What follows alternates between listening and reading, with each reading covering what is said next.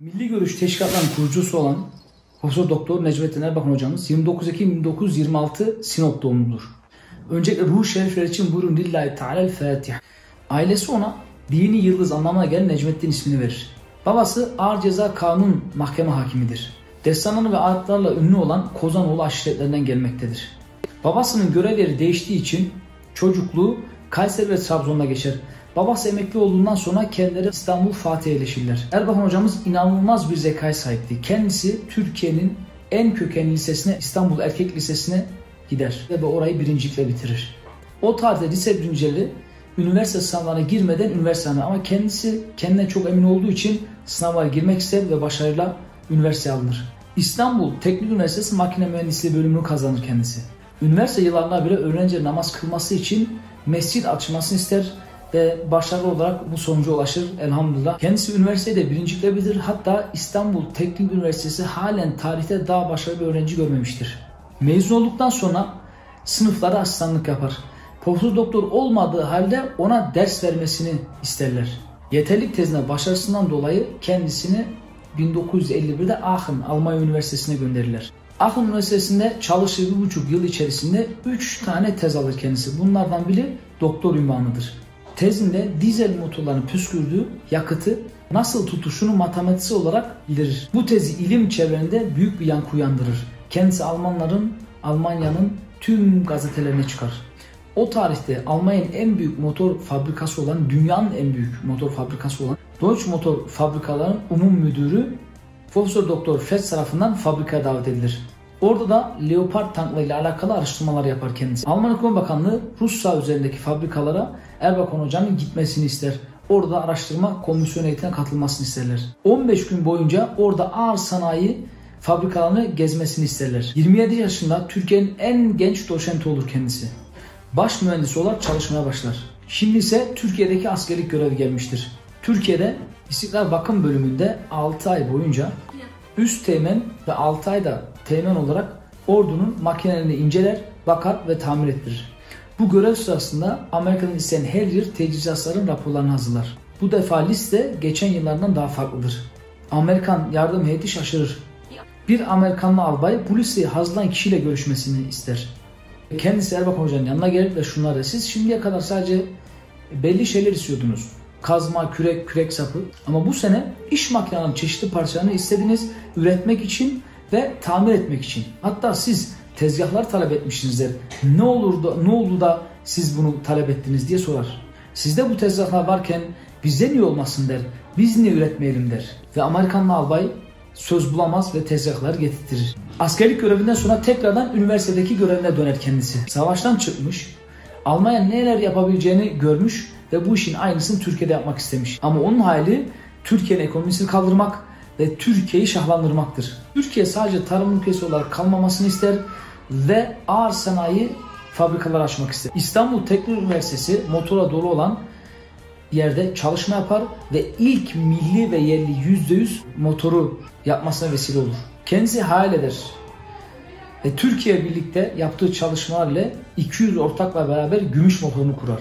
Yapamaz derler. Sadece hayal kuruyor derler. Ama 1960 yılında kuruluşundan 4 sene sonra seri üretime başlarlar. Aynı yıl Ankara düzenlediği sanayi kongresinde gümüş motorun imalatlarını sunar ve bu işin Türkiye'de yapılmasını ister. Gümüş motorun yapabildiğini gören yönetimde olan askerler bunu kabul eder ve ilk milli arabamız yapılır. İlk milli arabamız devrim yapılır ve seri üretime başlanır. Gümüş motor el değiştirdikten sonra ve bazı siyasi meselelerden sonra kendisi gümüş motoru bırakır ve tekrardan üniversiteye geçer. Halen üretim yapan bu fabrika Almanya'dan Afrika'ya kadar 22 ülkeye ihracat yapan bir fabrika. Ve tabii ki en önemlisi olan binlerce insana ekmek teknesi olmuş. Ama en sonunda o da kapanmış. O uzun bir hikaye oraya girmem. Siz inşallah araştırın neden kapan. Erbakan Hoca'nın dediğine göre Türkiye'nin sanayileşmesi için en büyük engeli Türkiye Odalar ve Borsalar Birliği. 1965 yılında profesör olan Erbakan Hoca önce Şubat 1966'da Odalar Birliği Sanayi Dairesi Başkanı sonra da Genel Sekreterliğine getirilir. Necmettin Erbakan Hoca Odalar Birliği'nde faize karşı olan birisiydi. Anadolu insanın sömürüsüne karşı savaştı.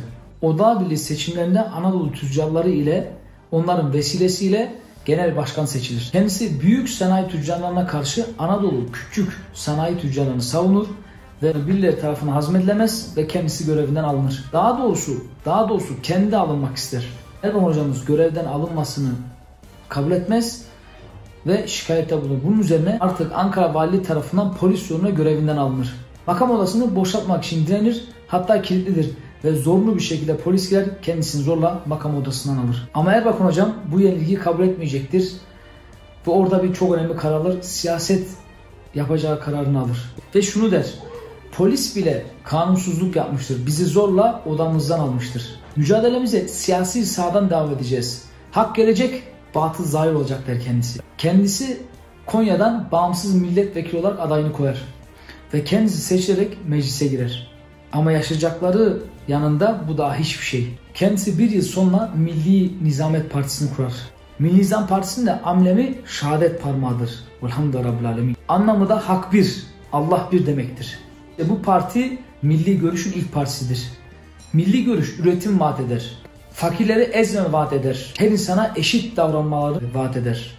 Daha bir buçuk yıl sonra hakkı konuşan, laikliğe karşı doğruyu söyleyen, savunan ilk partidir. Ve laikliğe haykırı çalıştığı için partisi kapanır. Tabi Erbakan Hoca vazgeçmez bir yıl sonra Milli Selamet Partisi'ni kurar. 1973 genel seçimlerinde Milli Selamet Partisi %12 yakın oy alır ve 48 milletvekiliyle meclise girer. Bu sefer partinin amblemi anahtardır. Önce manevi ve ahlak der kendisi. Hükümetin kurulması için Milli Selamet Partisi'ne ihtiyaç vardır. Kendisi Ecevit ile görüşür. Her iki partinin istekleri vardır. Milli Selamet Partisi okullara ahlak dersinin girmesini, işlenmesini ister. İmam Hatiplerin ortak hizmeti tekrar açılmasını ister. İmam Hatip mezunlarının üniversiteye girmesini sağlanacak. Yeni İmam Hatip okulları açılacak. Sanayi Bakanlığı kurularak sanayi teşvik kanunu çıkacak. Ve birçok ağır sanayi gibi kurulmasını ister. Cumhuriyet Halk Partisi ve Milli Selamet Partisi anlaşarak hükümet kurulur. Erbakan hocamız başbakan yardımcısı olur. 1974 Kıbrıs Barış Harekatı'nda da bu hükümet döneminde yapılır. Erbakan hocam Kıbrıs'ı fetheden kişidir Allah'ın izniyle. İşte orada çok önemli bir konuşması var. Birleşik Milletler şunu dedi, şunu dedi ya diyor. Bırakın diyor biz tarihin en şerefli milletiziz. Korkmayın diyor. Türkiye kendi üretir, kendi yapar, kendi başarır. Kimseye ihtiyacımız yok der. Amerika'nın hoşuna gitmedi der. Bana ne Amerika'dan? İşte Birleşmiş Milletler şunu dedi de bunu dedi de bunu dedi de. Vay canına ya biri hipnotize mi ediyor sizi Allah aşkına ya. Bırakın şunu. Efendim Amerika'nın hoşuna gitmez. Bana ne Amerika'dan? Bana ne Amerika'dan? Erpan hocamıza göre bağımsız bir Türkiye sanayi yolundan geçmektedir. 3 sene içinde 250'den fazla fabrikanın temelini atar. Özellikle Doğu ve Güneydoğu'nun kalkınmasını ister.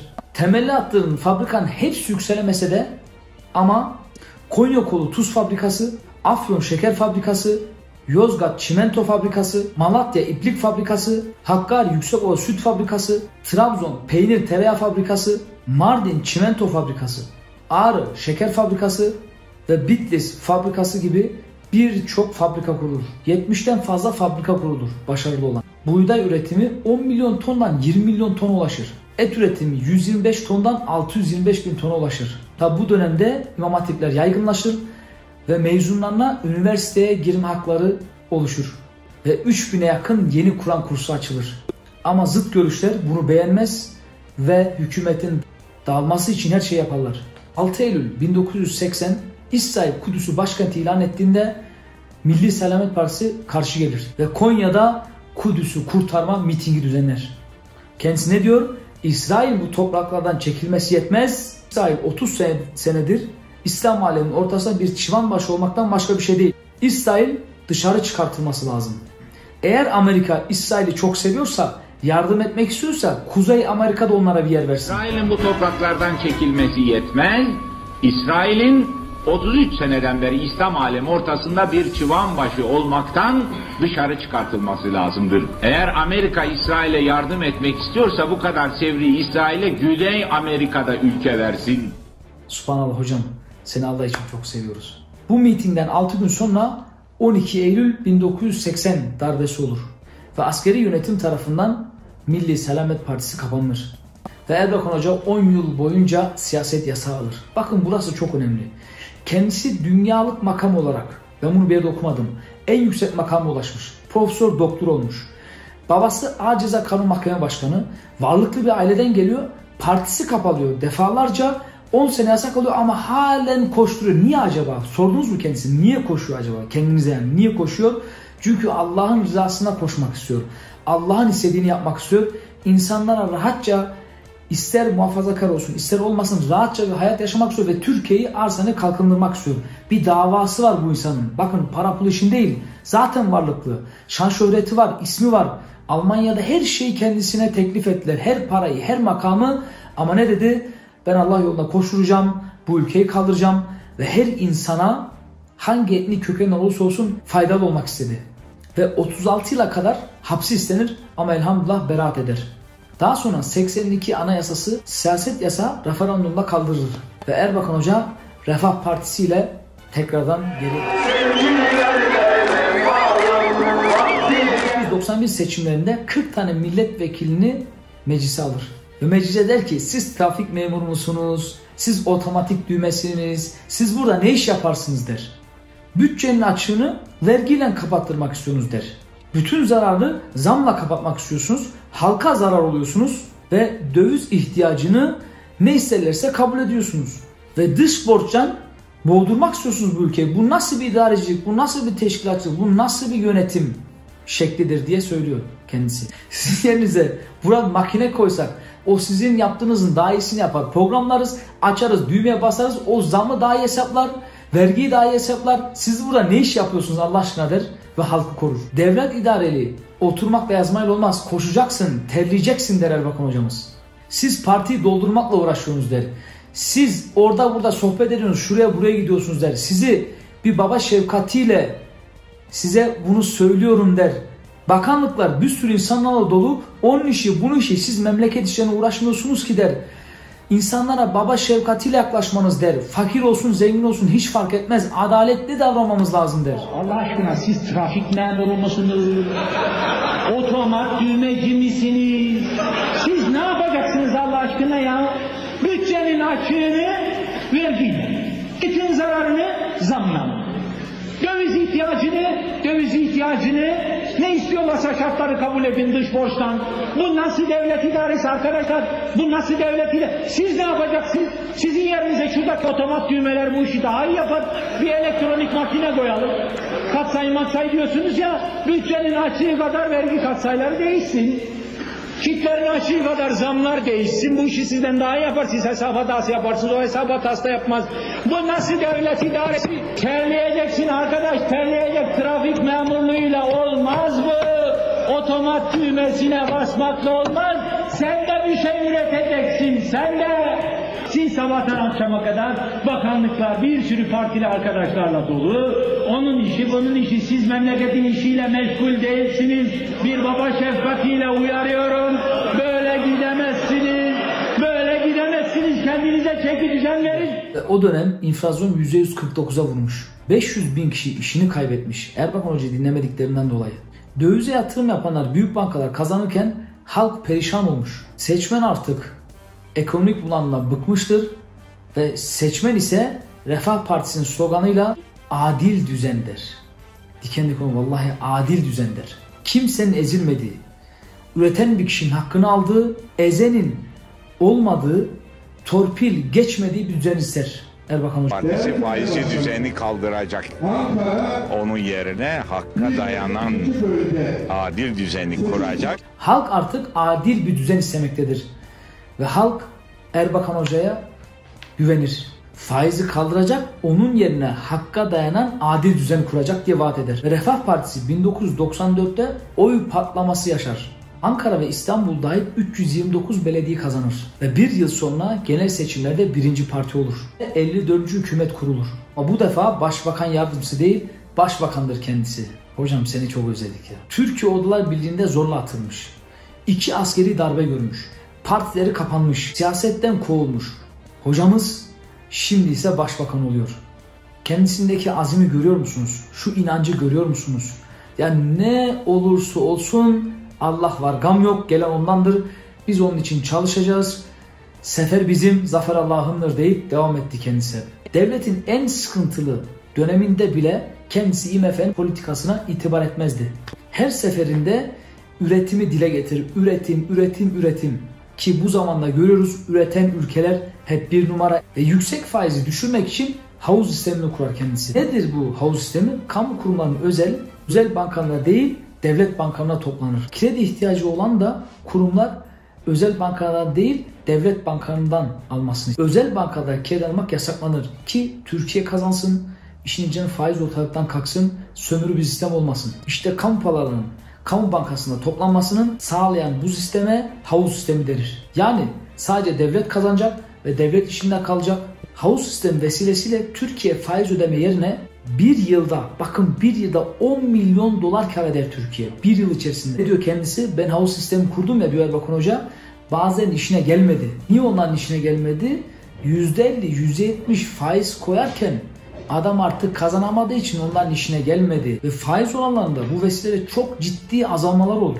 Ve devletin ihtiyaçları işçiye, memura, emekliye, esnafa yani ezel haklara aktarılır. Ve yeni hükümetin ilk icraatı memurlara %50 zam vermektedir. Hatta %30 istediklere de %50 vermektedir Erbakan. Sadece memurlara değil işçiye de zam yaptık der. 180 dolardan 210 dolara çıkardık der asgari ücret. İşçi emekleri maaşları %100 arttı.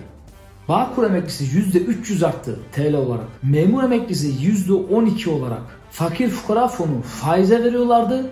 Fakirlere dağıttık ve hepsinin duasını aldık. Şimdi bak ben havuz sistemini kurdum ya. Havuz sistemi bir takım rantiyecilerin içine gelmedi. Niye? Adam yüzde yüz kırkla alıp yüzde yüz elli faize verirken bu yağlı kazancı kaybetti. Memur katsayısını Bakanlar Kurulumuz yüzde 50 olarak karara bağlamıştır. Sadece memura mı verdik biz? Hayır teferruatına girmeyeyim. Bakın işçi 182 dolarla asgari ücreti 210 dolara çıkarttık. Bu yüzde yüz artış demektir Türk lirası olarak.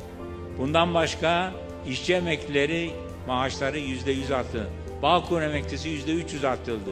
Memur emeklisi yüzde 216 arttırıldı. İşçi emeklisi yüzde 221 arttırdı. Fakir fukara fonunu faize veriyorlardı.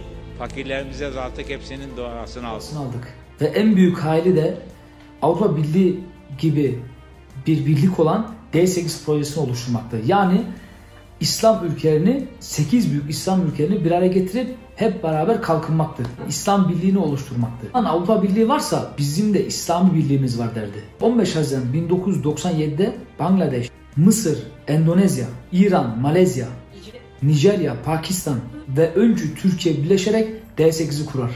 Ve sembolü olan 6 yıldız şu 6 ilkeleri sembol eder. Savaş değil barış, çatışma değil diyalog, çifte standart değil adalet, üstünlük değil eşitlik, sömürü değil işbirliği ve baskı ve tahakküm değil insan hakları. Yani kendisi o kadar güzel icatlar yapar ki ama gelin görün aynı tehlikeler yine tekrardan olmaya başlar. Laiklik elden gidiyor, gidiyor bize alışıp burayı kesiyorum. Laiklik elden gidiyor diye söylemeye başlar. Ve tarikat liderleri elinde asalar ile Erbakan Hoca'nın davetine iştirak ederler. Ve sokaklarda insanlar cübbe sarıkla hür gezmeye başlarlar. Türk Silahlı Kuvvetleri'nin kaygısı gittikçe artar. Türkiye'de tarikatlara maalesef tepkiler sürerken 11 Ocak 1997'de Erbakan Hoca Başbakanlık konutunda bir iftar yemeği verir. İftar yemeğine 51 tane tarikat ve cemaat liderleri gelir. Elhamdülillah Rabbil Alemin. Sarık ve cübbeleriyle başbakan konutuna girerler. Ne kutlu bir zaman. Ve bu olaydan 20 gün sonra kaldığım Ankara Sincan'da, şu an Kızılcam ama Ankara Sincan'da Ravallı Belediye Başkanı Bekir Yıldız Bey Filistin için oyunlar sergilenir. Ve orada İran Büyükelçisi davetlidir. Ondan sonra Sincan'da tanklar boy gösterir yollara çıkar.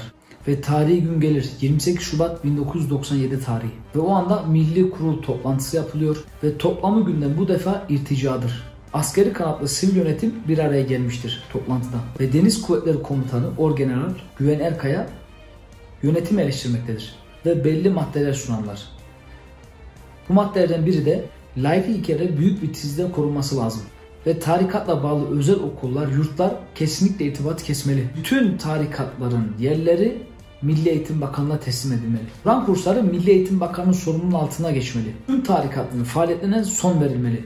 Bu çok önemli. 8 yıllık kesintisiz eğitim tüm yurtlarda uygulanmalıdır. Bu madde onlar için çok önemli. Neden? Böylelikle ilk öğretim 5 yıldan 8 yıla çıkarılacaktır. Amaç İmam Hatip Lisesi'nin orta kısımlarının kapatılmasını sağlamaktır. Tabii ki Erbakan Hoca bunun anayasaya aykırı olduğunu söyler. Ve toplantı tam 9 saat sürer. Çok meşhur bir video resim vardı. Erbakan Hoca'nın terlediği, terlediği an vardı. 9 saatlik toplantı. Ya Rabbi o toplantı hürmetine Erbakan hocamızı cennetin en yüksek yerine koy. Amin ya mu'in velhamdülillah rabbil alemin. Erbakan hocam bu bildiriyi imzalamaz ve toplantıdan çıkar. Askeri yönetim bu bildiriyi gazetelerde yayınlar Erbakan hocanın imzalamadığını söylerler. Ve böyle yapmayalım der. Ordu bizim işimize karışamaz, demokrasi kurtaralım der Allah için. Ve asker resmen hükümete sopa göstermektedir. Milli Güvenlik Kurulu Genel Sekreteri kararlar uygulanmazsa yaptırımlar yapacağız der ve resmen hükümete sopasını gösterir.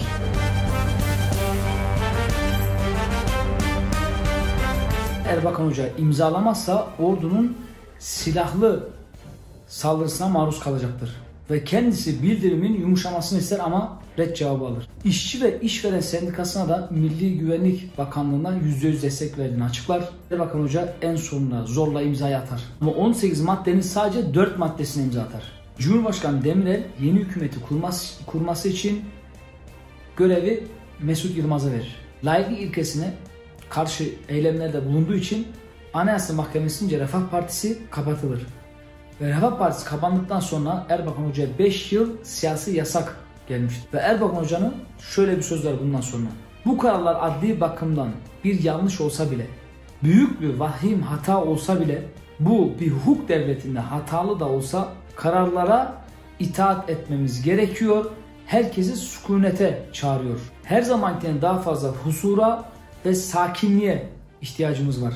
Yani sükunete riayet edelim. Bu kararlar adli bakımdan birer vahim hata olsalar dahi bu bir hukuk devletinde hatalı da olsa kararlara itaat edip uyulması gerçeğini ortadan kaldırmaz. Her zamankinden daha fazla huzura, sükunete riayet. Bakın burada büyüklerimizin şunlar yaptığını görüyoruz. Kendisinin makamı için kendisini feda ediyor, makamını feda ediyor. Her insanın insana adaletli davrandıklarından dolayı aynı Abdülhamid Sultanımız gibi insanlar ne yapabilirdi? Kardeşlerini katliam etmedi, kan dökülmesin diye kendisi iktidardan çekildi ve indirildi daha doğrusu. Ama niye haşa halkı isyan adalet etmez? Çünkü kan dökülmesini istemiyorlar. Çünkü kan bir insan canı her şeye bedel olduğunu bildikleri için sakinlikle sükunete davet etmişlerdir. Şimdi ise Fazilet Partisi kuruluyor. Erbakan Hoca halen yasaklıdır ama milli görüş devam edecektir. Erbakan Hoca, Recai Kutan hocamızın genel başkan olmasını istiyor. Erbakan Hoca'nın çok meşhur bir sözü vardır. Bizi toprağa gömseler, bizi öldürseler, üstümüze lav dökseler makma gibi fışkırırız ve tekrardan o adil düzeni kurmaya çalışırız. 5 sene sonra 11 Mayıs 2003'te Erbakan Hocam tekrar partinin genel başkanı olur. 2010 yılında 88 delege ile Erbakan Hoca tekrardan Saadet Partisi Genel Başkanı seçilir. Sağlığı onu zorlasa da hiçbir zaman Türkiye'nin mesele kendini kesmemiştir. Hiçbir zaman Allah ve cihattan ayrılmamıştır. Hep vatan için koşturmuştur kendisi. Asla memleket meseleden uzaklaşmamıştır kendisi. Bakın 80-90 yaşlarında halen kendisinin dediği gibi Eyüp El Ansari Hazretleri eğer dinimiz Kur'an-ı Kerim okumayla, namaz kılma, tesbih çekmeyle e, hallolsaydı Eyüp El Ansari 90 yaşında niye İstanbul'a geldi? Yavuz Sultan Süleyman niye 70 yaşında halen cihata savaşa gitti? İşte hocamız da son nefeslerde cihad etti. Allah onlardan razı olsun. 27 Şubat 2011'de solumun yetmezliğinden dolayı kendisi hakkın rahmetine kavuşur. Siyasi görüşü ister uysun ister uyuşmasın Erbakan hocamız bu ülkeye damgasını olan bir siyasetçi, manevi olarak ve bu ülkeye çok büyük faydası olan maddi manevi bir başkandı kendisi. Allah kendisine razı olsun. Kimi zaman büyük haksızlara uğrasa da sabrın sembolü olmuştur kendisi. Ne kadar ter dökse de herkesi sakinliğe, sükunete davet etmiştir. Bakın büyük liderler, büyük düşünenler Abdülhamit Han Hazretleri gibi kendi kardeşlerini vatan haini oldukları halde niye astırmadı, niye idam ettirmedi? Kan dökmek istemediği için. Erbakan Hoca niye hep sabretti? Biliyor bir şey dese, bir şeyler yapsa, karşı gelse hükümete, devlete kan gövdeyi götürecek. İnsanlar birbirine düşecek. Sadece solcular gibi. Allah vatan milletimize yaşatmasın böyle şeyleri. Bunların Farkın olduktan dolayı rütbe makamı terk edip sukunete davet ettiler. Türkiye'nin ağır sanayi hamlelerine büyük emekleri var kendisinin. Kendisi yerli ve milli değerleri savunmuştur. Kimseye bağlı olmayalım, kendimiz yapalım, bu güç bize ait. Biz dünyanın en şerefli milletindeniz diye diye bize Allah için bu yollara vesile oldu. Erbakan hocamız 27 Şubat 2011'de vefat etti. Bu benim hüzün yolum diyorum ben kendim. Çünkü ondan yaklaşık hemen hemen bir sene önce 2010'da babam hakkın rahmetine kavuştu. 2011'de sevdiği dostlarından Erbakan Hoca sevdiği dostlarından Tayyip Büyükköprü hocamız kendisi büyük bir alimdir. Evliya olduğu söylenir. Evliyadır Konya'dan. Kendisi Erbakan hocamla aynı partide görev almıştır ve Allah için hep koşturmuştur. Tayyip hocamın da vaazlarını Büyükköprücü çok sevdiğim için o bir buçuk iki sene en sevdiklerim Rabbim ahirete inkar ettirdi. Allah hepsinden razı olsun. Bu teşkilatta görev alan tüm ruh şerifler için, vatan milletimizin selameti Erbakan Hocam, Tayyip Büyükköprücü Hocam, Bağımlı Hasan ruh şerifler için, bilhassa Allah rızası için buyurun bir Fatiha okuyalım. Lillahi Teala Fatiha.